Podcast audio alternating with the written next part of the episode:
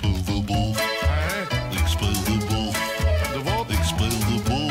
Wat zegt hij? Ik speel de boel. En ik de boel. Wat, wat zeg je nou?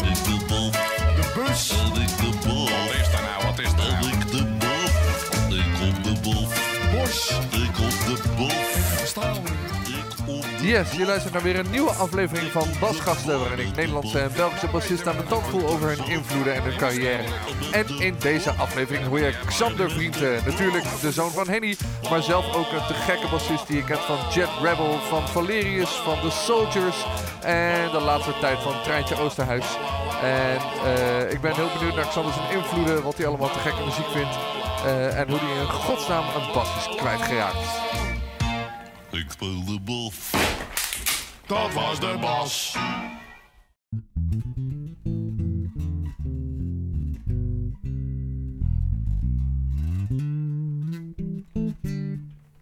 Alrighty. Alright. Klaar voor? Helemaal klaar. Chill. Daar gaat hij. Hey Xander, Hey Ede. leuk dat je er bent man. Nou, leuk om er te zijn. Ja, ehm, ik wil eigenlijk beginnen met de eerste vraag die ik iedereen stel aan het begin van, eh, van een podcast als deze. Dat is, eh, welke bas heb je op schoot? Ik heb een eh Fender Jazz Bass Deluxe op schoot. En daar speel ik de laatste tijd veel op, omdat hij heel versatile is. En Deluxe wil zeggen dat hij actief is. Ja. En je kan echt alles bijdraaien. Ik doe de laatste tijd heel veel verschillende projecten. Dus als ik dan eh, uit mijn studiootje een bas meeneem, dan neem ik vaak deze. Want dan Ja. eh, is hij het allround. Gewoon altijd goed. Altijd goed. Maar het is wel, het is wel, het, het is vrij clean. Dus eh, wil je wat meer oudere shit spelen, dan, dan rijd ik weer even langs mijn studiootje. Ja. Wat heb je een grote collectie of heb je er gewoon drie of Ehm, vier waar je uit kiest als je... Nou, ik moet heel eerlijk zeggen dat ik niet zo goed weet wat groot is. Want ik heb, qua dat een beetje een raar voorbeeld. En mijn pa die heeft er echt 60. Ja, Dus ja, dat, en, en Jelte, eh, een van mijn beste vrienden, heeft er ook eh, een stuk of 30. Dus dan heb ik er niet zoveel. nee. Maar ik heb wel, zeg, 10 go- goeie. Ja, nou, er zullen, er zijn mensen die dan zeggen, Dat is veel. dat is echt heel veel. Ja, ik, ben, ik ben ook eh, heel content met mijn collectie. ja dat kan ik me voorstellen. Ik- ik- En gebruiken ze ook echt allemaal? Nou, de- over, over een aantal jaren zeker. Maar het gaat echt in fases. Ja. En eh, ehm, dan eh, vergeet ik weer even... Deze had ik bijvoorbeeld eh, eh, uitgeleend aan iemand en ik was vergeten wie. En dat was dan even zo twee jaar zo. En toen opeens had ik er weer zin in. En toen ben ik even rond gaan bellen. En toen vond ik hem weer terug. en nu staat er dan, dacht ik van de week weer aan een, een hele mooie Japanse jazzbass. Maar die staat dan nog ergens bij, in, een, in een bus van een, van een band. En dan denk ik opeens, oh, die moet ik weer hebben. En dan, Ja. dan ik... Maar dan weet je dan wel meteen waar die is? Nou, deze toevallig dan weer wel. Ja. dan weer wel. Want eh, er werd, eh, eh, ik heb even op mijn Facebookpaginaatje gevraagd van, jou, zijn er nog mensen die een vraag voor je hebben? Nou, ik voel me aankomen. ja, Lex Koopmeiners vraagt, hoe vaak is hij een bas van zijn pa kwijtgeraakt? En misschien ook wel van jezelf. Ja, Toch- dat is inmiddels wel een bekend verhaal, neem ik vind, aan, Ik vind het fijn om even, even precies uit te leggen hoe dat zit. Ja, heel graag. deze vraag natuurlijk nogal vaak. Ehm, maar ik ben, eh, ik heb één keer is er een bas van mij gejat uit een huis waar ik toen nog woonde met een bandje met de Soldiers. En dat was niet alleen mijn bas, maar nog een ander ook, die Japanner ook. En nog eh, alle instrumenten van eh, de rest van de band. En toen heb ik dat via, dat was een, een Super J Dingwall met Ja. van die Fend Frets. Ja, en toen heb ik hem best wel snel teruggevonden bij zo'n pawnshop. Echt na twee dagen of zo. Eh, ook via Basgitaarforum trouwens. een Heel belachelijke prijs waarschijnlijk ook. Die dingen staan altijd voor veel te goedkoop. En, eh, ja, nou, die stond dan wel, die man die zei later dat hij wel achter was gekomen dat het wel een bijzonder was. Dus die stond er dan nog voor 1500. Nou, nou. Maar dat is eigenlijk ook niet zoveel. En die jazzbass, die Japanner uit 81, die stond er voor 150 euro. Ja, precies.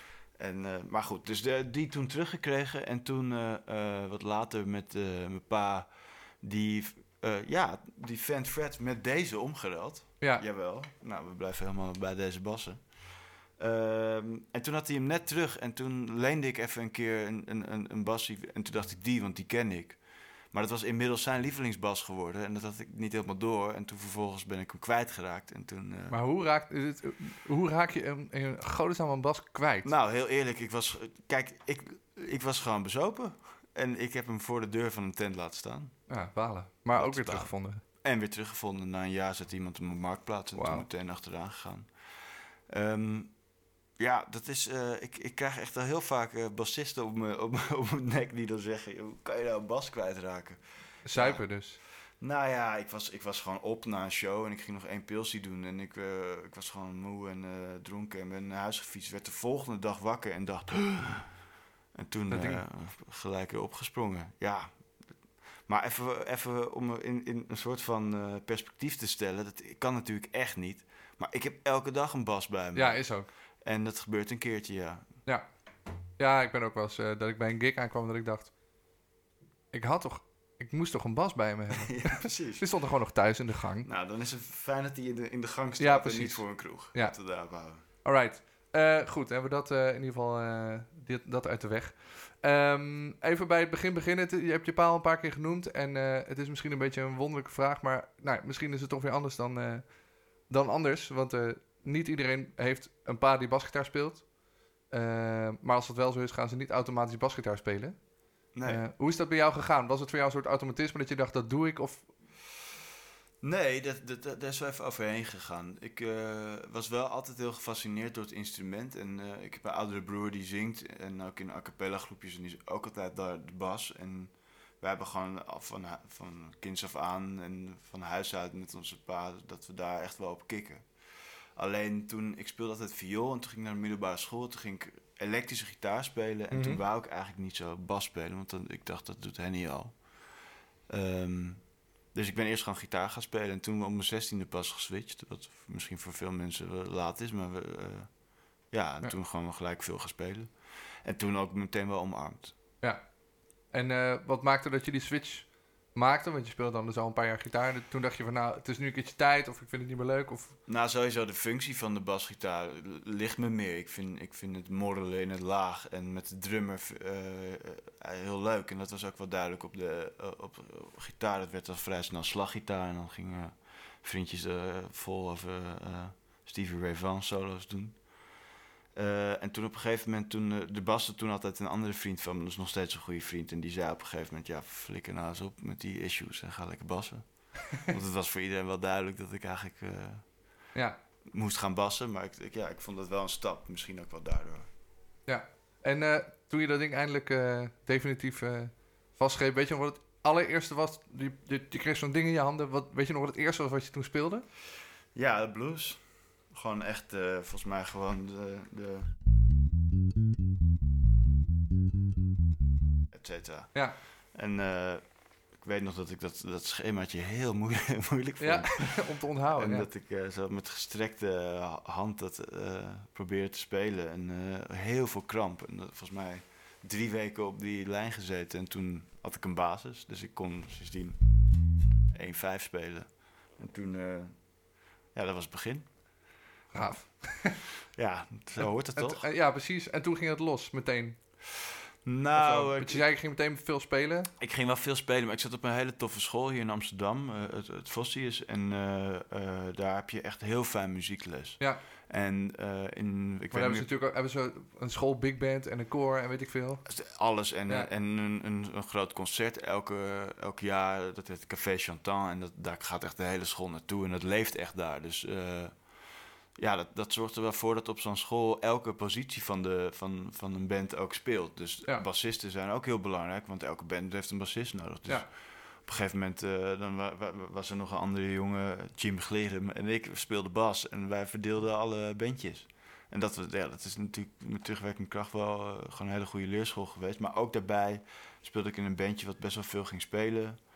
En hier gewoon eh, in het Amsterdamse clubcircuit en feesten en partijen. Gewoon ja, eh, gewoon zoveel mogelijk doen, zeg maar. voor 50 piek eh, per avond Oh, ja. de deur uit. Ja, Dat vonden we toen heel veel. Ja, ja, dat heb ik nog heel lang heel veel gevonden. Of althans, heel lang genoeg gevonden. Ja, Eh, je noemde net Soldiers. Een beetje met eh, Ja. mensen die nu eh, My Baby hebben gevormd, onder precies. andere. Nou, dat was, wel, dat was denk ik mijn, mijn eerste echt serieuze band. En daar kwam ik in toen ik 19 was. En toen Joost van Dijk, dan de drummer van My Mhm. Baby, ook de drummer van The Soldiers. Daniel en, en Katootje, Sophie, Chris en Nick, die gingen ja, vol op de groove eigenlijk. Dat was Ja. echt wel heel tof. Omdat eh, zij waren zo van Sly en van oude meters dingen en alles eh, uit New Orleans checken. En eh, ja, toen hebben we een paar jaar echt wel heel veel gespeeld. En echt, we, hadden ook echt zo met elkaar zo de vibe van... Zodra je stoer doet en te veel noten speelt, ben je echt een loser. Je moet echt Ja. grooven, weet je wel. Dat dat was echt een hele leuke tijd. We woonden ook samen in een kraakpand. Ja. Waar ook die spullen waren gestolen. Dat heeft misschien de kraakpand ook mee, ook mee te Dat, maken. je heeft, het zou misschien kunnen, ja, met eh, sloten die... eh, Ja, precies. En vrienden zijn die opeens eh, geld nodig hebben. ja, Ja. heftig. Hoe lang heb je die band... eh, hoe lang, het is wel, het heeft best wel een paar jaar... Ik Goed gedraaid. Ja, ja, het was ook echt heel leuk. We hebben op een gegeven moment in de States gespeeld. En door Europa deden we ook echt wel leuke dingen. En Katootje, de zangeres van My Baby. En dat was ook mijn eerste vriendinnetje. Dus we waren echt helemaal all in daar. Ja. Het was echt, heel, echt een familie. En op een gegeven moment was het gewoon op of gingen jullie... oh, Nou, Kato en ik gingen uit elkaar. En dat- ja, of de bassist of de, of de zangeres, dat is wel Ja. duidelijk. Nou moet ik je eigenlijk eerlijk zeg- zeggen dat ik niet meer precies weet hoe het ging. Maar we zijn allemaal hele goede vrienden gebleven. En Joost en ik zijn toen veel blijven spelen, sowieso. Ook nog wel met Daniel. En toen hadden we nog een sessie hier in de MP3, wat, wat daarvoor de Meander was, voor de Amsterdammers onder ons. Eh, maar toen gewoon altijd veel blijven spelen wel. En toen eh, kwamen Jo- Joost en ik op den duur... Ik zat toen in Valerius ondertussen, dat was Oh zo'n ja. zo'n popbandje. Ja. En toen kwamen Joost en ik waren eigenlijk op zoek naar een soort... eh, nou, eigenlijk naar een soort Jet Rebel. Of eh, gewoon iemand die een beetje jong was, waarmee we gewoon veel konden spelen. En die groove die we zo interessant vonden, konden gaan toepassen in popmuziek eigenlijk. Een soort van de functionaliteit Ja. houden, maar wel daardoor vrij kunnen spelen. En het was echt bizar hoe dat precies wat we zochten was Jelte. Ja, dat klikte gewoon meteen in elkaar. was echt vanaf volgens mij de nacht dat we elkaar ontmoetten, spraken we al uit wat we gingen doen. En dat hebben we, nou ja, dat zijn we gaan doen. En- Behoorlijk lang volgehouden ook. Ja. ja, dat was echt wel eh, echt een feestje hier. Ja, want dat is denk ik toch wel waar de meeste mensen jou van kennen van je tijd met... eh, Met Jazz Rebel, met ja, Jelte, ja. denk ik wel, ja. En eh, dat, was, dat, is best, dat, dat heeft best wel wat, wat fases doorstaan, zeg maar. Het is bij mij een beetje op de radar gekomen met echt die grote band met eh backingzangeressen en met Mhm. Rick van Wort op drums. En, Ja, eh, met Ricky. en eh, Ja, dat was, dat was een beetje de, de, de, de, de, de funk soul kant op. En Ja. later is hij inderdaad wat meer rock and roll gaan maken. En een rock trio. En ook een hele soort oldschool pop. En ja, echt alle kanten op. ja, Maar dat is, dat is ja, wat mij betreft ook waarom het zo leuk was. ja, dat je altijd een nieuwe... Nou, van... Jelte is gewoon heel goed met zichzelf uitdagen en daarmee zijn de muzikanten om hem heen. En wij hadden eh, vanaf het moment heel erg een klik op dat we allebei het heel fijn vinden om op ons gehoor te spelen. Ja, Eh, dus daarmee de vrijheid kunnen opzoeken en houden van popliedjes. Dus die combi is, eh, eh, in principe zijn de meeste mensen die heel erg op hun gehoor spelen natuurlijk komen uit de jazz of die gaan, die gaan mhm. ingewikkelde muziek spelen. En wij wilden eigenlijk steeds simpeler, maar dan daarbinnen vrij zijn. ja want jullie, die, die, die shows van, van, van Jet Rebels zijn natuurlijk ook wel... eh, die draaien voor een groot deel ook heel erg om improvisatie en lange jams samen. Ja. En, maar, de- en dat is daar dan dus uit voortgekomen, een soort van die combinatie van die, die catchy popmuziek die jullie maakten. Ja, En dan ja en die zijn dus daarna je oren alle- laten... alle genres doorgegaan, omdat Ja. we gewoon met de genres meegingen. Maar wat ik zo nou echt veel aan- van heb geleerd van Jelte, is hoe hij altijd binnen een genre niet alleen. eh, eh, ik bedoel, als je reggae gaat spelen, dan begint iedereen gewoon zo'n breakbeat te spelen. En dan, Ja. en, dan, en dan weet je wel een lik of twee. Maar de echte eh, urgentie van waaruit eh genres worden gespeeld, zijn gewoon heel verschillend. Ja. Dus of je, eh, je kan wel als je rock gaat spelen een plektrum pakken en dat oefenen en zorgen dat, dat, dat je op de, op de zestiende zit en lekker pompen.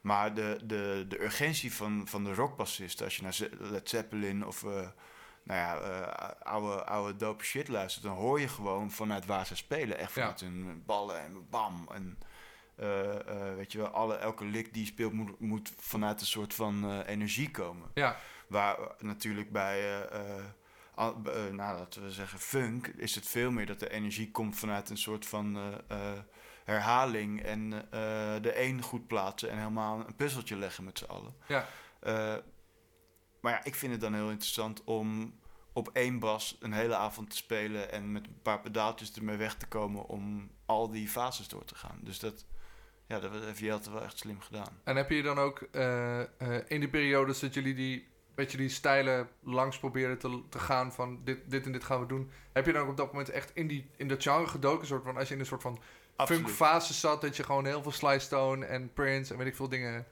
Nou, ik merk sowieso, en dat is, dat is wel waar, waar muzikanten het niet vaak over hebben, maar, zeg maar hoe kom je op- in de beste status van eh, je spel spelen? Ja, Dat is natuurlijk heel interessant, want als je vrij bent in je kop, als je geen zorgen hebt, lekker hebt gesport en eh, mis- misschien een goede nacht met je vriendin hebt gehad de avond ervoor, dan kom je helemaal vrij op een gig aan. ja, Eh, en dan speel je de avond van je leven.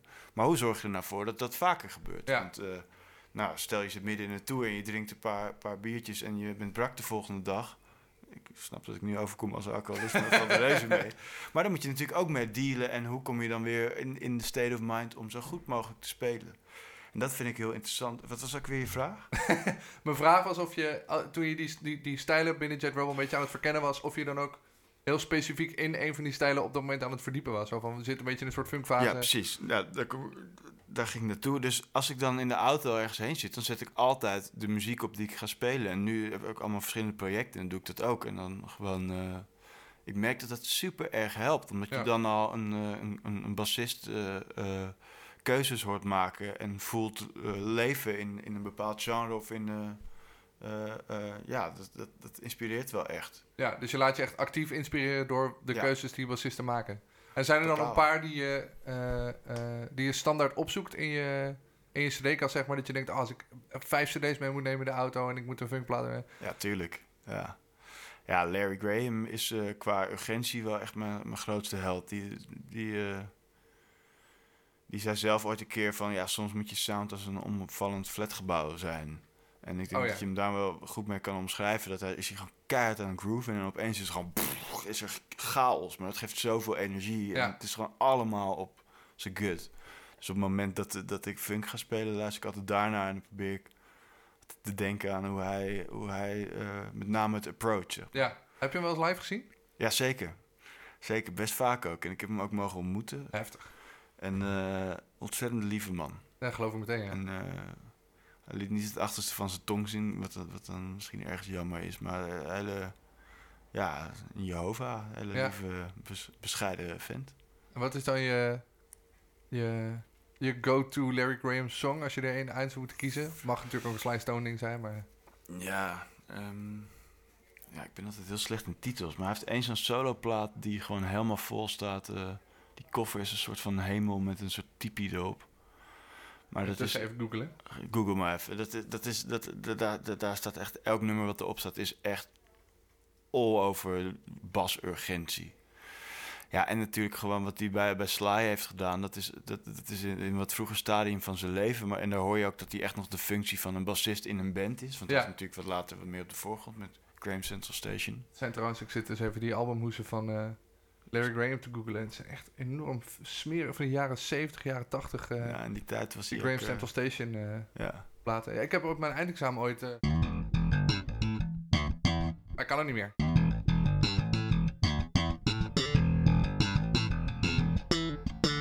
Die ja, dope. zit te spelen. Ja, het zijn allemaal van dat soort patronen. Dat is wat toffer aan. En ehm, ja, hij is dus ook de guy die, waarvan wordt gezegd, en ik was er natuurlijk niet bij, maar dat hij ook de eerste was die echt slepte. Ja, En toen hij eh, in die, eh, Sly zag hem dan als, toen hij in de kerk speelde, dat hij zo met zijn die rare Larry Wop met zijn duim, zeg maar. ja wonderlijke techniek inderdaad. Ja, maar daar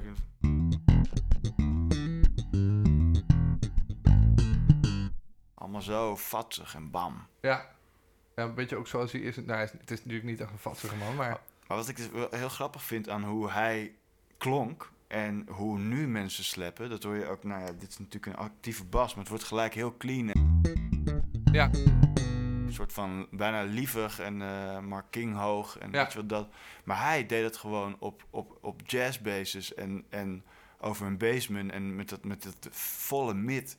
En dan krijg je echt die agressie krijg je dan. ik heb zelfs wel eens... Hij heeft dan, speelt dan nu die Moonbassen, die witte... Hmm. dat hij alleen zijn, eh zijn halspick-up aan heeft. Ja, maar ook heel veel mid en heel veel laag. Ja, Ja. dat zal... Ja. Of zijn hals, zei je. Nee, alleen zijn halspick-up. Ja. Ja, dat zou kunnen. Ik weet het niet. Ja, het is in ieder geval echt een fenomeen. En, Ja. ehm, ja, dat, dat, Bedoel jij toevallig Release Yourself? ja, Met- die bedoel Met die kerk zeker. op de voorkant. En ik bedoel ook het 19, nummer eh, 74. Release Yourself. Kun je die? Heb je, wel- zoek je dat soort dingen uit? Als je denkt, oh, ik heb hem wel, als je hem even laat horen, kan ik hem wel weer, denk ik. Even kijken hoor, ik weet niet of je dan Is op de, op. Release. Eh, Zoiets. even kijken hoor. Oh. Ik knip ik er allemaal uit. Eh.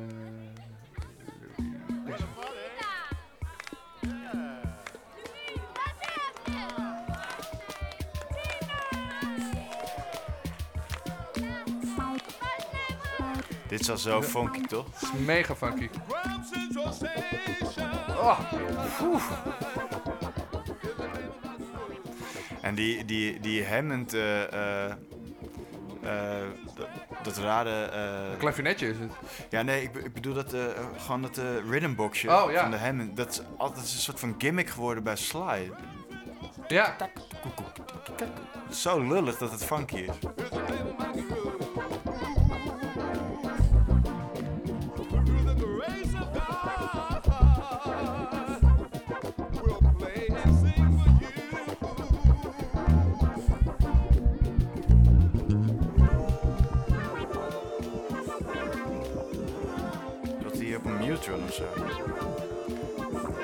Ja, dat zal wel een...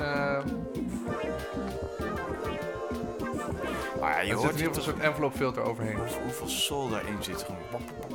Weet je, de- weet je wie de blazers op deze plaat vooral zijn?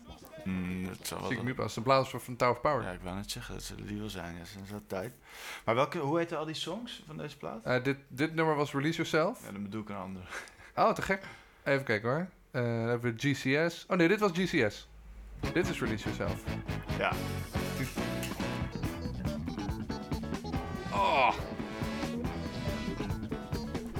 Ja, dit, die, ja, dit, eh, dit kan ik niet meer zo 1, 2, 3 Nee. spelen. Moet ik weer even oefenen. Maar dit, die, ja. Zeg maar, die binnen dat hij heel veel noten speelt, is het zo in de pocket. Ja,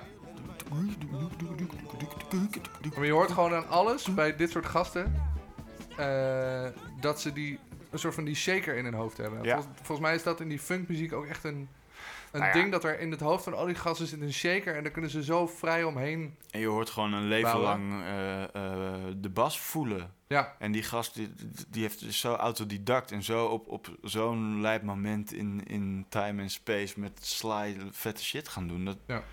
ja, dat net als met Bootsy en, en James Brown, weet je wel. Ja, dat ga je nooit meer op die manier bij iemand vinden.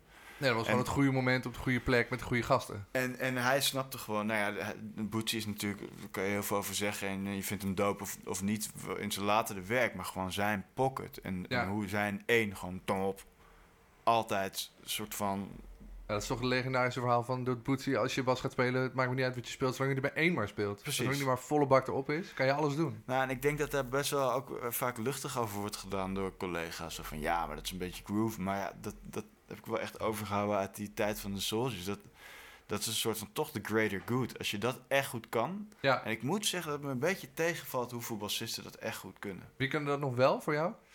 Ja, die zijn er zeker. ehm eh, nou ja, Glenn Gaddam is natuurlijk iemand die er echt... Die gaat zo in alle leegtes in één keer bam op. Michel Ja. Verschie ook, eh, absoluut. Ja, en ik ben een heel groot fan van Gino Cochise. Niet alleen op Oh, ja. drums, maar ook op bas. Omdat die... Over wonderlijke technieken gesproken. Ik heb het, Ja. heb nog even dat stukje zitten kijken van Gino in, eh, in die documentaire die je samen met Japan gemaakt hebt. Ja, dat Die is, techniek van die man, daar snap ik helemaal niks van. Nee, dan sowieso zit zijn bas verkeerd om. Of Ja. eh, voor hem Ja. goed is. Maar voor ons op de kop. voor ons op de kop. En het is met name, en dat, dat is ook weer een interessant thema binnen muziek. Je hebt gewoon mensen die heel goed met hun kop kunnen spelen en mensen die heel goed met hun hart kunnen spelen. Ja. Even kort door de bocht gezet. En alles wat ertussen zit. En iemand als Gino, die kan maar één ding en dat is gewoon spelen wat hij voelt. En dat is natuurlijk, eh, eh, als je een popbandje hebt, is dat nogal heavy om iemand te hebben die altijd afhankelijk van zijn buien alle kanten op kan schieten. Maar ik heb er zo ontzettend veel respect voor. En ik, eh, ik zou het zelf ook wel zoveel willen kunnen. Maar Gino is van huis uit drummer, Ja. toch? Ja. Heb je, denk je dat dat... hoeveel verschil denk je dat het uitmaakt in hoe hij bas speelt? Denk je dat hij op een andere manier dat instrument benadert dan... Nou, ik denk Wij- dat je, je hoort het sowieso aan bassisten. Hoor je of ze heel erg eh, drum georiënteerd zijn of niet. En Ja. je hebt natuurlijk bassisten die heel melodieus zijn. Of juist heel erg van de pocket. hangt ook weer van de genre. Dus het natuurlijk gaat alle kanten op. Maar bassisten die heel erg eh, vanuit een drummer denken. Ja, die kunnen vaak gewoon goed grooven. En die kunnen eh, vaak goed hun punt zetten.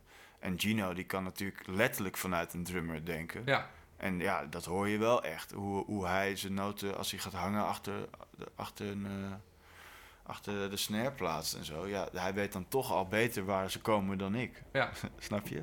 Al, maar ja, dat is, dat is gewoon... eh, Terwijl jij toch al eh, je hele leven met waanzinnige drummers speelt. Dus je kan, je kan ze wel voelen, zeg maar. Ja, nou, ik denk ook wel dat ik iemand ben die altijd rondom een eh, drummer kruipt. Dus ik ben ook wel echt afhankelijk van eh, eh, hoe goed een drummer is. Ja, En hoe vrij die is in zijn pocket. En dat is, denk ik, wat je zegt, ik ben echt... Als ik ergens blij mee ben in mijn leven, is het met de drummers om me heen. Want ik heb er echt een stuk of zes, zeven waar ik het echt heel goed mee kan vinden. En allemaal een klik heb. En dat is, dat is het, het grootste goed. Bijvoorbeeld een Ricky waar je het net over had. Daar speel ik nog eh, sowieso twee wekelijks, eh, of één keer in de twee weken mee eh, hier in de Bulldog in Amsterdam. Nou, dat, ik, ik, ik kijk niet eens naar hem. We Nee. voelen elkaar zo. En, zijn, en ik vind het zo lekker om in zijn vibe te gaan. En ja, dat is. ben je daar dan op dat moment bewust mee bezig? Als je met, nou, je speelde met Kees Schaper, de oude Ja. drummer van Tim Knol, voorstelling op de parade. is natuurlijk een heel andere, echt zo'n jaren 60 eh, vibe drummer. Ja. Heel andere drummer dan Rick. En dan, nou ja, welke, het zijn gewoon, ben je daar bewust mee bezig? Of denk je, of, of Ik ben daar heel bewust mee bezig. Ja. En ik bedoel, los van dat, er zit natuurlijk ook een vriendschapsding aan vast. Want zowel Kees als Rick en eh, nou, Willem van der Krabbe ook. En eh, nu vergeet ik er natuurlijk eh, onder druk een paar. Daar kom ik zo op terug. Er zijn gewoon een aantal waar ik echt een hele fijne klik mee heb. Ja. En zo'n Kees is totaal anders als Rick. Maar dat, vind, dat, dat houdt mij ook scherp. En nu bijvoorbeeld een voorstelling. En daarin moet ik zeggen dat hij echt eh, waanzinnig eh, goed buiten zijn straatje ook drumt. Want eh, als, als mensen hem kennen is hij echt een waanzinnige 60s drummer. Ja.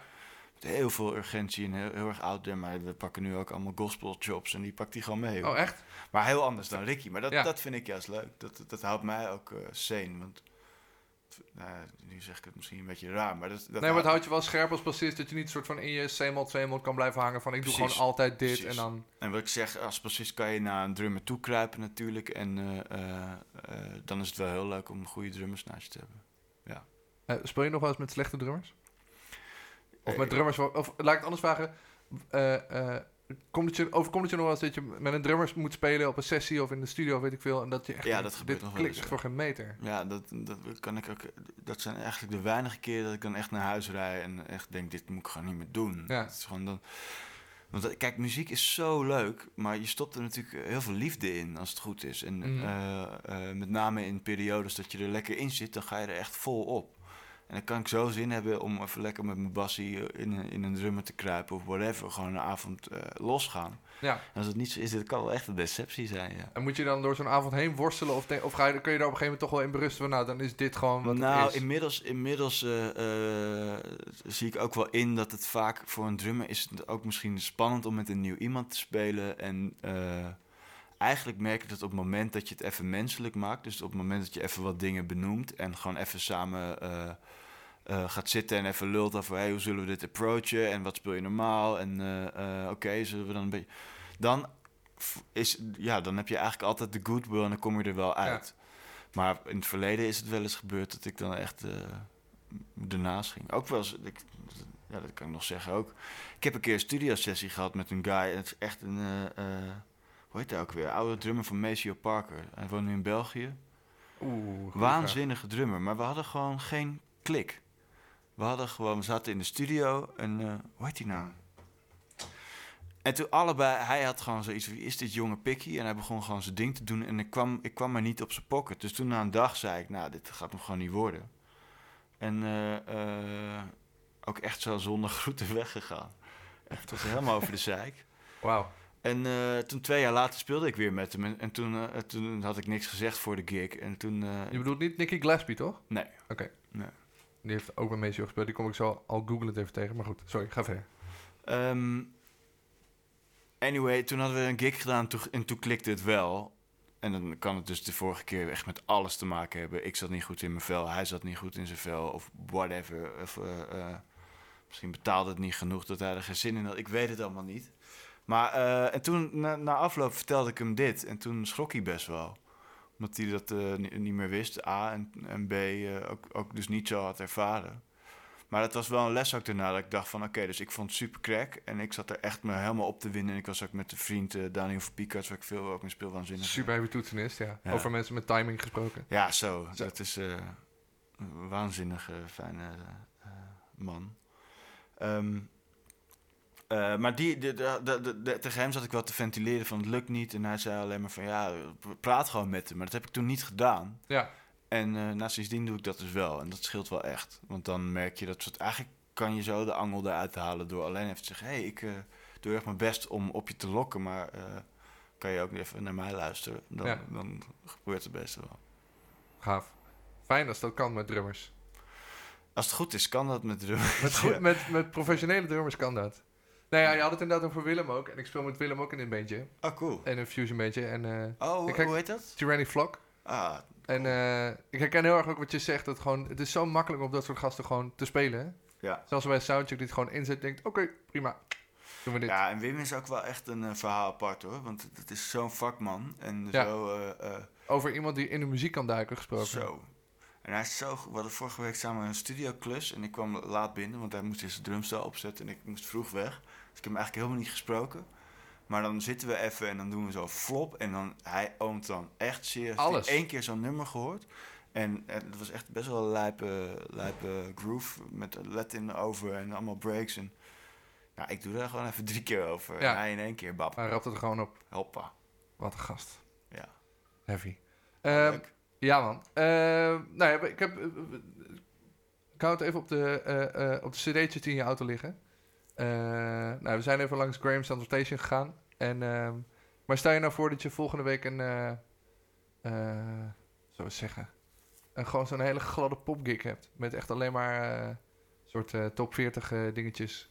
Of met, nou, noem een super grote slash commerciële Nederlandse Ja. artiest. Ja. Wat, wat leg je dan in de auto en wat voor gasten luister je dan? Je hebt Michel Verschie genoemd, wat natuurlijk... Voor, volgens mij komt hij ongeveer in iedere aflevering van, eh, van de podcast wel een Ja, keertje dat voorbij. is natuurlijk gewoon een hele, hele grote. Ja. En eh, ook een hele fijne man. En met name, ik denk dat hij zich ook echt eh, vrijgespeeld als mens. Ja. Maar in, in, eh, waar ik dan naar luister, ja. Nou, ik speel bijvoorbeeld bij Treintje. Nou wil ik niet over Trein zeggen dat het gladde, gladde popmuziek is. Want het is wat mij Nee. betreft wel een, eh, een, een stapje verder. Ik, eh, het- ja, dan ga ik gewoon echt naar de Beatles luisteren eigenlijk. Om, om het popaspect ervan te, Ja. te voelen. Eigenlijk bijna altijd Beatles.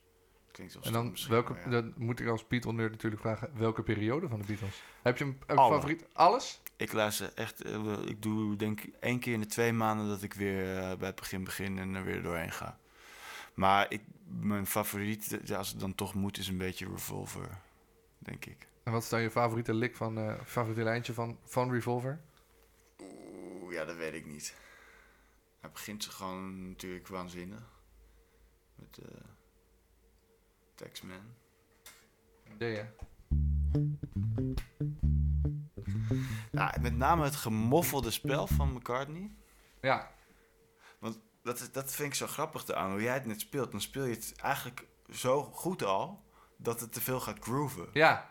En dat is volgens mij het moeilijke eraan om, om, om de Beatles echt na te spelen. En, en meer muziek uit die Maar wat bedoel je dan met dat. Vind je dan dat... Het is misschien een beetje een rare vraag, eh, want ik weet zelf het antwoord al. Maar vind je dat McCartney niet groeft op een ik andere vind manier? heel erg groove, Ja, maar op precies. een andere manier. Maar zeg maar, de meeste bassisten die zijn helemaal met wat er daarna allemaal is gebeurd in de soul en in, in de funk. En eh, eh, ja, die gaan gewoon... Weet je dan zit je gelijk in een pocket. Ja. Maar Ringo, die was niet... Tjuk, tjuk, tjuk, die was niet zo tight. Nee. Die was gewoon... eh, ik weet even niet wat hij daar doet uit mijn hoofd, maar die is gewoon... Volgens mij gewoon een soort backbeat. Tuurlijk, ja. En McCartney, die, die speelt best wel met een, met een rare techniek met plectum op zo'n eh honky-tonk Ja. natuurlijk. Zo'n uh. Ehm, en het is gewoon allemaal heel gemoffeld. Ja, ik heb even geen plectum bij de hand, maar dat is... dat-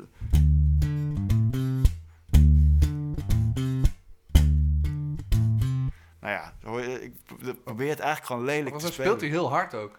Ja, Je hoort heel erg... eh, er staan op internet van die eh, geïsoleerde bastrekjes. En dan hoor je helemaal in zijn eentje spelen. en er zijn allemaal poem. Het komt heel hard binnen, ja. Ja, Maar om terug te komen op waar, waarom dat luisteren is, is, is niet eigenlijk niet eens zozeer om hoe ze het allemaal spelen, maar gewoon hoe die liedjes in elkaar zitten. Ja. En ik denk dat dat, dat, dat is waar, waarom ik oneindig naar ze kan blijven luisteren. Is de keuzes die niet alleen hij en Ringo, maar ze allemaal. En zelfs Lennon op gitaar, weet je wel, en Harrison natuurlijk. Maar gewoon de, de, de, de keuzes die ze maken, hoe ze zo'n liedje interessant blijven maken Ja, en blijven houden. En die spanningsboog, dat zit niet, eh, vaak in de compositie, maar ook in hun Ja. spel. ja maar dat hoor je... Kijk, het interessante hoor je dan ook wel in... eh, zeg maar de, vanaf de periode dat ze alleen maar een studioband zijn. Laten we zeggen Ja. laat 65. Dus Ja. vanaf inderdaad Revolver en dan Ja. het Sgt. Pepper en Magic Mystery Tour. Maar hoe voel je dat dan in die, in die eerste plaat in Please Please Me en With The Beatles? Dat, dat het echt Nou, nog een soort ja, dat, is- dat is- beat, echt beatbandje is. Nou, ik- dat is een hele leuke vraag. Omdat ik denk dat dat eh, toch een soort van het kaf van het koren onderscheidt. Zij hebben met elkaar zo'n klik dat ze als beatbandje beginnen. En daar hoor je al hele mooie melodieën. En daar Ja. hoor je al hoe mooi ze samen zingen. En daar hoor je al echt al heel veel. Maar ja, kijk, stel het zouden twee verschillende bands zijn geweest... dan zouden ze nooit in één adem worden genoemd. Nee, Maar het feit dat zij met dat klikje, ook al kregen ze ruzie, ook al was er ook troep, eh, zo dicht op elkaar hebben gezeten in die periode, met ook weer mensen daaromheen die ook in die periode opkwamen. En de Ja. Stones natuurlijk, nou ja, elke nerd heeft al die, al die docu's gekeken natuurlijk. natuurlijk. Ja. Eh, en Clapton en whatever. Maar dat is gewoon zo'n vruchtbaar ding. En nou wil ik mezelf absoluut niet vergelijken daarmee. Maar ik zie wel heel duidelijk nu in de afgelopen, nou zeg dat ik 15 jaar vol aan het spelen ben. Eh, de, de, de periodes dat je met zo'n clubje zit, bijvoorbeeld met de Ja. Soldiers en daarna met Jelte, maar zelfs met Valerius, met de jongens. Eh, eh, en daarvoor met een ander bandje, met, eh, dat he- dat heette de Freak Funkers. En we speelden een hele lelijke fusion. Maar toch, we waren jong en we waren echt zo vol erop, weet je wel. ja, Ik denk dat dat zoveel doet als muzikant. En dan zou ik jonge bassisten nu hier naar luisteren. Ga spelen. En, Ja. en zoek mensen die je doop vindt. Want dat is volgens mij wat de Beatles tot zover heeft gedreven. En een nieuwe Beatles zal, zal er niet zo snel komen. Maar wel Nee. om, om, om je, je leven muzikaal te blijven verrijken. Is de input van, of bijvoorbeeld Daniel die je net noemt. Nou, daar speel ik nog heel veel mee. Ik leer zoveel van die jongen. ja. En van Jelte natuurlijk. En, en van, ja, Dus het is gewoon vooral, je voelt in die oude platen en dat voel jij dan ook als je met, nou ja, met de gasten die je net noemt. Dus zolang er chemie is, wordt het vanzelf goed of zo. Nou ja, en je blijft elkaar een kant op drukken, denk ik. Ja, En op het moment dat iemand even... We hebben allemaal wel eens een periode dat je even wat minder studeert... en eh, wat minder geïnspireerd bent. Maar dan heeft de andere het wel weer. En dan kan je weer even op die lift. Of dan komt die weer met die muziek. En, eh, en nou ja, de, de befaamde tripjes na een show naar huis zijn eigenlijk het leukst. Omdat je dan gewoon helemaal in de vibe zit. En dan, ja, als je dan op die manier eh, vette nieuwe... be- Zo, ja, als mensen niet in slaap vallen in bandbus. ja. ja dat, of in bas laten staan bij een gig. En, eh, Precies. Ja. Maar jij laat je dus vooral echt ook voeden door de mensen om je heen. Want er zijn ook mensen... Heel. Ik, ik heb een, niet een enorme platenkast, maar ik ben ook heel veel bezig met... eh nou ja, ik heb de afgelopen periode heel veel Pino Palladino geluisterd bijvoorbeeld. Ja. En dan merk ik dat ik daar heel erg mee bezig ben. En dat in de muziek probeer te voegen die ik maak. ja. Eh, eh, doe je kan dat? je dan ook uitleggen wat, welke aspecten van, van Pino je zegt? Nou ja, ik, ehm, eh, ik hoop hem ooit nog te spreken. Dus Pino Palladino, if you're listening. you got my email. Het schijnt ook een hele lieve man te zijn. Ja, ik hoop hem ooit een keer te spreken. Maar goed, eh, doet u niet toe. Eh, ik vind vooral de jaren 80 periode van Pino heel gaaf met Paul Young. Hè. Ja. En ehm, wat ik dan bijvoorbeeld interessant vind in zijn spel is... eh, hij speelt super melodisch, maar het zit nooit in de weg. En als ik het doe, Ja. zit het altijd in de weg. Voor mijn gevoel. En dan zeg ik, ah, misschien, misschien moet je iets minder spelen. Dat zou ook wel aan de tijd liggen. Nou, ik denk dus dat hij dat kan omdat hij het zoveel heeft gedaan. En Oh ja. hij speelt zo vanuit zijn gevoel en is heel technisch. Ja, En is volgens mij is zijn solfège echt lijp. dat zou heel goed kunnen, ja. Want de dingen die ik hem hoor, doen... Hoor, hoor- nou ja, hij kan zo diep in, in grooves gaan. Ja, En dat hij dus niet, niet alleen eh, een soort de pocket helemaal oomt, maar ook daaronder de heet met dat swampy soundje van hem zo de artiest zit te duwen. En natuurlijk is dat bij de ene wat duidelijker dan bij de ander. Maar Ja. bij, bij John Mayer doet hij dat heel erg mooi rond, vind ik. En Ja. bij, bij de trio echt nog af en toe wel met ballen. Maar eh, bijvoorbeeld bij D'Angelo, ja, dat is gewoon veel beter dan dat wordt het volgens mij. dat, is echt, dat heb ik gezien in Paradiso een paar jaar geleden. Ik moest huilen. echt. Ik, eh, ik ben niet zo van huilen bij concerten, maar als ik, het, eh, als ik het deed, had ik het gedaan. Ik ben er geloof ik ook niet zo van, maar dat is ook de enige keer dat ik me herinner. Maar hij speelde op een gegeven moment een lik en toen kwam er binnen wat hij deed. En toen kwam hij niet thuis, maar de maand erna er overheen thuis. En op het moment dat het kwartje viel, schoot ik gewoon vol. Wauw, wat heftig. Het was echt prachtig. Ik Is dat de enige keer dat je zo ontroerd werd door... Of eh, overvallen door, die, Ja. door, door muziek? Dat Ja. je dacht, wow, wat gebeurt hier? Nou, in ieder geval, wat, wat- dat, ik denk het wel. Of in ieder geval wat me het meest bij de geest staat. Ik kan het ook heel erg hebben op liedjes en songwriters. En soms dan, eh, dan, dan, dan raakt eh, iemand me zo erg dat ik... ik zat van de week weer naar Judy Seal te luisteren. Ik weet niet of je die kent, maar dat, zij zingt zo vanuit de, het diepste van haar, van haar, van haar ge- gepijnigde wezen. Dat, eh, dat komt wel over dan. En daar, daar kan ik ook wel echt vol van raken. Maar op het moment dat het natuurlijk ba- ba- of over bassen gaat en wat meer instrumentaler wordt, of wat vaker over de functie, Ja, ja, dan is Pino wel echt de functie. functie. Ehm, cool. En eh, nou, we hebben nu, eh, het gaat heel veel over, over groove en over pocket en over feel. En dat is heel, eh, heel vet. En daar ben ik ook heel, hou ik heel erg van. Zeker als het heel eenvoudig is. Wacht, ik ga je een voorbeeld laten horen van wat ik dan... Hadden het heel, het ging heel kort even over Prince. Hmm. En hoe... het is een liedje van... Ik gebruik het heel vaak als voorbeeld. Het is een liedje van Prince. Het staat op ehm, eh, eh, Planet Earth. En het heet Chelsea Rogers. En het is hoe een bassist met terugwerkende kracht een bassdrum funky kan maken. Dat is eh, de Laat me horen. onnavolgbare Rhonda Smith, als ik me niet vergis. Let op, komt een kick in. En dan zet zij in. En dan denk je, wat? Dit is zo heftig. Dat als je hem dan opnieuw, op, als je hem dan opnieuw opzet, dan, dan wordt die bassdrum, omdat je weet wat er komt, met terugwerkende kracht, super lekker. A model. Er ineens. Used to be Oh, a role Dan hoor je hem al. model.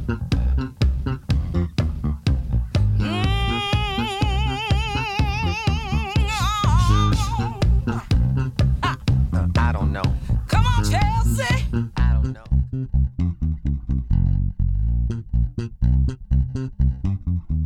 Lekker hoor. Super heftig. Maar zo, zo, zo- die pocket die zij heeft, Ja.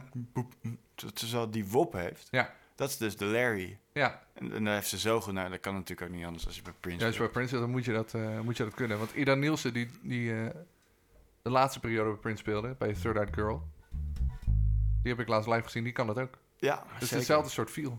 En zij is ook te gek trouwens. Zij heeft, eh, Ja. ze heeft echt een, een dikke pocket heeft ze. Ja. En ja, die Ronda Smith, dat, dat lijkt me duidelijk. Super heavy. Ronda Smith stond in de eerste editie van de bassist ooit. Kan me nog herinneren. Hey. Hey. Voor het archief.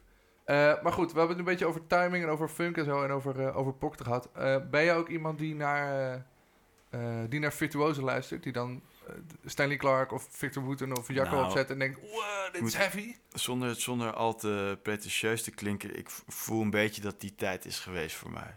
En dat, dat ik daar echt op getriggerd werd. En bijvoorbeeld bij Jaco, dat ik echt helemaal lijp werd van wat hij speelde. Het is natuurlijk nog steeds, hoor ik af en toe iets en denk ik, oh ja, wat is hij toch waanzinnig goed.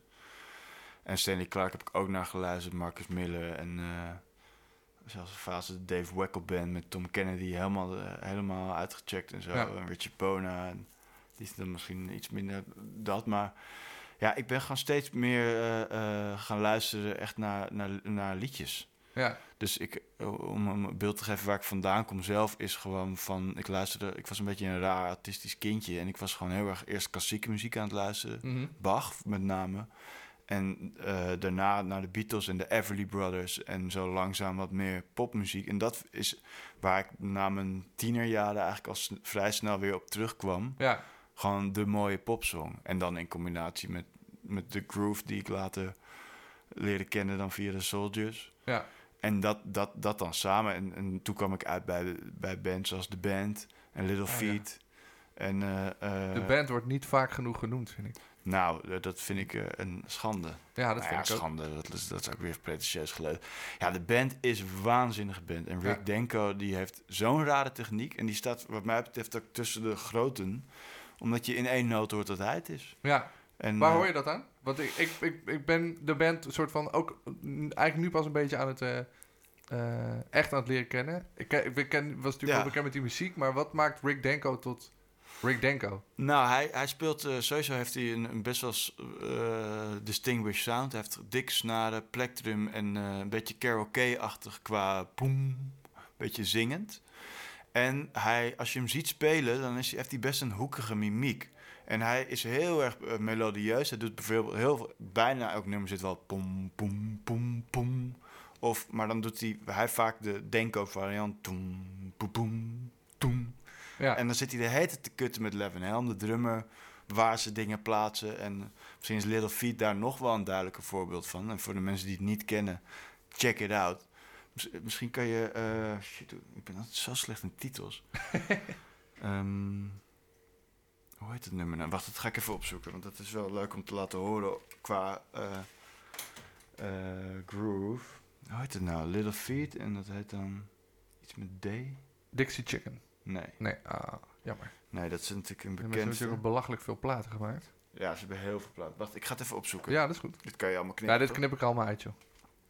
Dus het was Day or Night. Day or Night van Little Feet. En wat, wat je hier hoort, eh, is misschien wel eh, leuk om even naar te luisteren. Hoe zeg maar de drummer en de bassist een soort. Dit is een heel erg groove nummer. Hierna kunnen we misschien een ander nummer wat meer een popsong is. Mhm. Maar la, la- laten we echt horen hoe dik zij met z'n twee groove. En ze hebben een soort van. eh, eh, zo van de, de New Orleans vibe eh, heel erg meegekregen dat ze noten weglaten en dan weer terug laten komen. En heel erg gekozen poppy doen ze dat samen. Nou, Ja. En het groove de pan uit. Misschien leuk is om te zeggen hoe die inkomt. Nou ja, luister maar gewoon.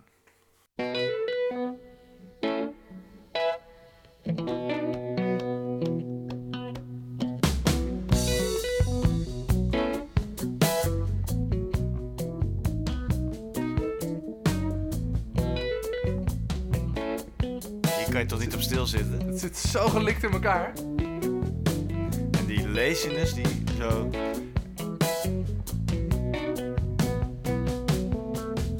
hoort wel aan hoe de drums is opgenomen dat, het, dat ze, ze zijn echt wel diep in de 70s hier. Zeker, ja. Nou ja, sowieso, als je deze band niet kent, check it out.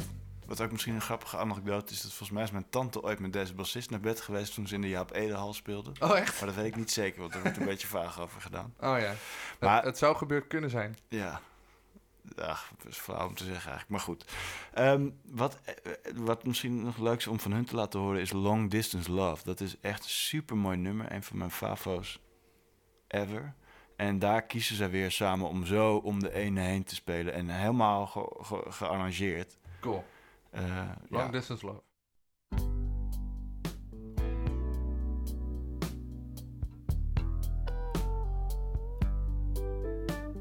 Wat onwijs 70 sound.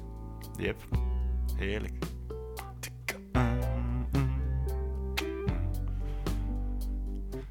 En Lowell George, hoe hij hier zingt. Volgens mij is mijn zusje verliefd op hem.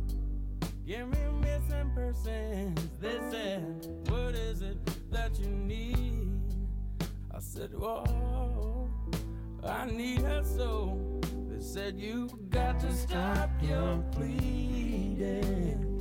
Nou ja, dit moet je maar thuis helemaal goed gaan luisteren. Maar Hij staat eh, in zijn geheel in de bijbehorende Spotify playlist. nou, anyway, daar kwam ik toen een beetje naar dit soort bandjes. En eh, eh, daar kwam voor mij al veel meer samen wat ik zelf echt tof vind dan eh, de, de Jacobs en de Max Millers. Ja. En, eh, en natuurlijk, eh, ik wil daar absoluut niet eh eh, laagdrempelig over doen. Maar het blijft altijd leuk om, om eh, het uiterste van je instrument op te zoeken. Maar ik merk dat ik het zelf eh, probeer te halen uit gewoon tonaal mezelf steeds verder te duwen.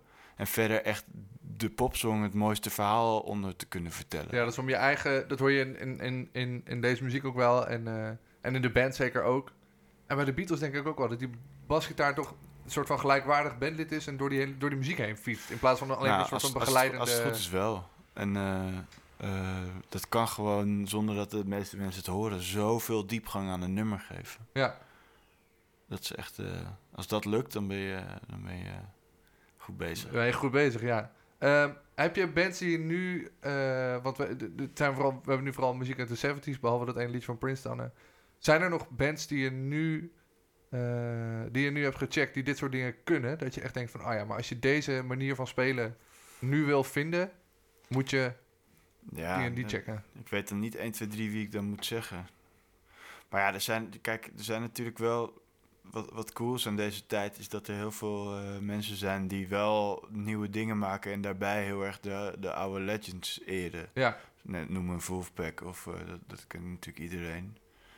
Ehm, en dat, ja, als ik daarnaar luister, dan, dan vind ik dat ook wel helemaal te gek. Maar ik moet toch eerlijk bekennen dat op een eh, enkel liedje van ze na ik dan al vrij snel hoor... oh ja, dit zijn jongens die nieuwe dingen proberen te maken... terwijl ze klinken Ja. als vroeger.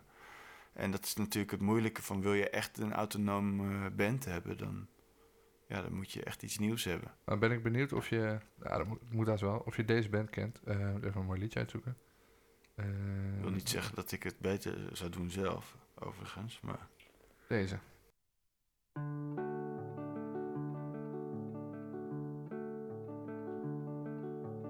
Maybe the sun will shine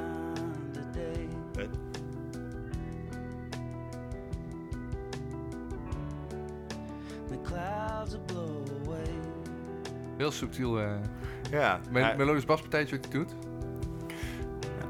ja, je hoort meteen wie ze afraid.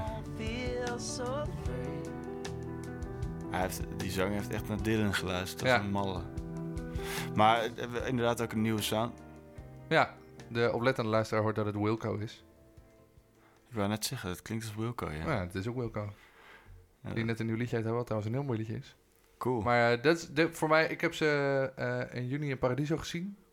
En eh in ik september hoorde dat het ze helemaal te gek was. Ongelooflijk. Ik, kwam de, ik was de- daarna in de kroeg. En toen kwamen een paar mensen binnen die er waren geweest. En die Ja. waren echt helemaal aan het flippen. Ja, dat was ook, dat snap ik helemaal. En zijn- ze speelden twee dagen achter elkaar. En ik zag onder andere Tim Knol op Twitter, die zei... Ja, is twee dagen geweest. tegen, ja. Nou ja, die is twee dagen geweest. Die heeft ook twee dagen twee totaal verschillende shows gezien. Want die, je hebt wel eens Ja. bandjes die gaan dan op tour en dan doen ze... Want je kan je aan de setlist zien van gisteren wat ze vandaag gaan spelen. ja. Maar Wilco speelt gewoon iedere Ja, dag iets anders. Maar dat, dat, dat, eh, dan zijn het hele grote. Ja, dat zijn het ook. Ja. Ja, te gek. Ja, en ik vind het cool aan hun dat je, eh, ondanks dat ze, dat ze echt zo tegen het bijna saaie country eh, genre aanhangen, zit er altijd zoveel onderliggend in dat je kan blijven luisteren. Ja, ik, ik was het nieuwe liedje aan het luisteren. En mijn broer die zei... eh ik moet nog een keertje luisteren. En dan hoor je dat de drummer het hele liedje lang zijn bekkens niet raakt. Vet. Dat soort dingen dat je ineens zo... Oh ja, dit is gewoon verschrikkelijk goed bedacht. Weet je, ik weet niet of dat zo... Dat hij dacht, ik ga een partij bedenken. Maar dat het gewoon zo uitkwam. Ja, En, ja eh, vet. Ja, Dat, dat is wel grappig. Ik ken nog een anekdote over, eh, over de plaat Lay It Down van Al Green. Ken je Mhm. die? Dat- Ja. Van Adam Blackstone heet die gast geloof ik. En op eh, drums eh, Questlove. En Questlove in zijn autobiografie eh, vertelt hij dan over dat eh, de grote Al Green een studio binnenkomt. En ze zitten daar echt met een monsterband klaar. En eh, het schijnt ook best wel een eikel te zijn, die Al Green. Dus ze hadden allemaal een beetje zo terughoudend. En de, dat eerste nummer van die plaat, dat is een jam. Dat zingt hij gewoon. Misschien had hij zijn tekst klaar of zo, maar...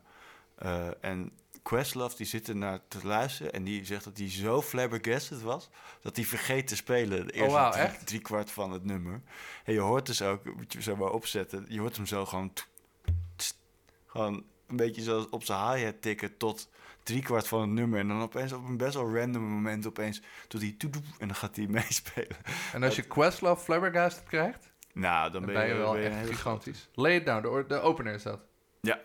Deze, hè? Eh, En ook eh shout-out naar deze bassist. What the fuck. Die gast zit zo op zijn gevoel te, te pocketen. Dus hier zit hij gewoon kick. Hier doet hij volgens mij nog meer dan de rest van het nummer.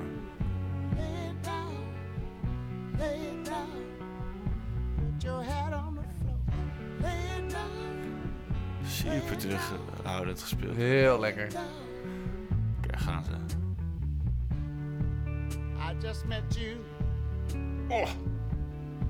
Just the other day. Ja, en doordat die bassist zo melodieus zoveel speelt en het zo voelt, dus het komt ook over alsof het weinig noten zijn, kan Questlove ook niks doen. Nee, Maar je ziet hem hier zo met open mond naar El Clean kijken, toch? Van, wat- volgens mij is het zelfs zijn voet die hij het. ja, Heeft hij gewoon zijn handen soort van... heeft gelijk, ja. Als een lame duck... eh,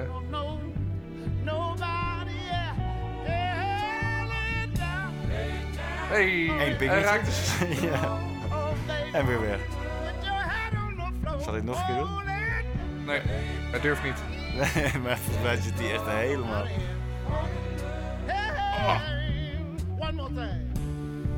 Nou, weer een pingetje. Wauw.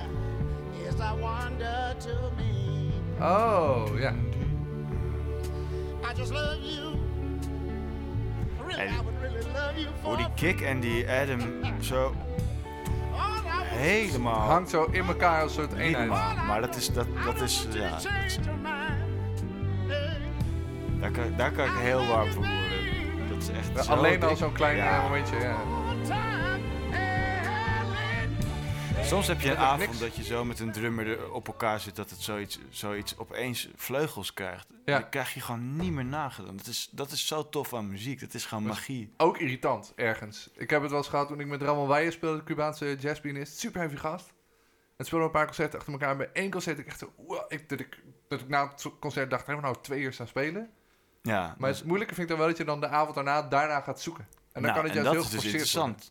Hoe zorg je ervoor dat de avond daarna weer, weer mooi wordt? En volgens Ja. mij moet je nooit nastreven wat je hebt gespeeld. Je moet eigenlijk dat gewoon een Maar soort dus van vergeten of Een zo. state of mind krijgen waarop je zo vrij kan spelen... dat je dus weer met een open gevoel erin gaat staan.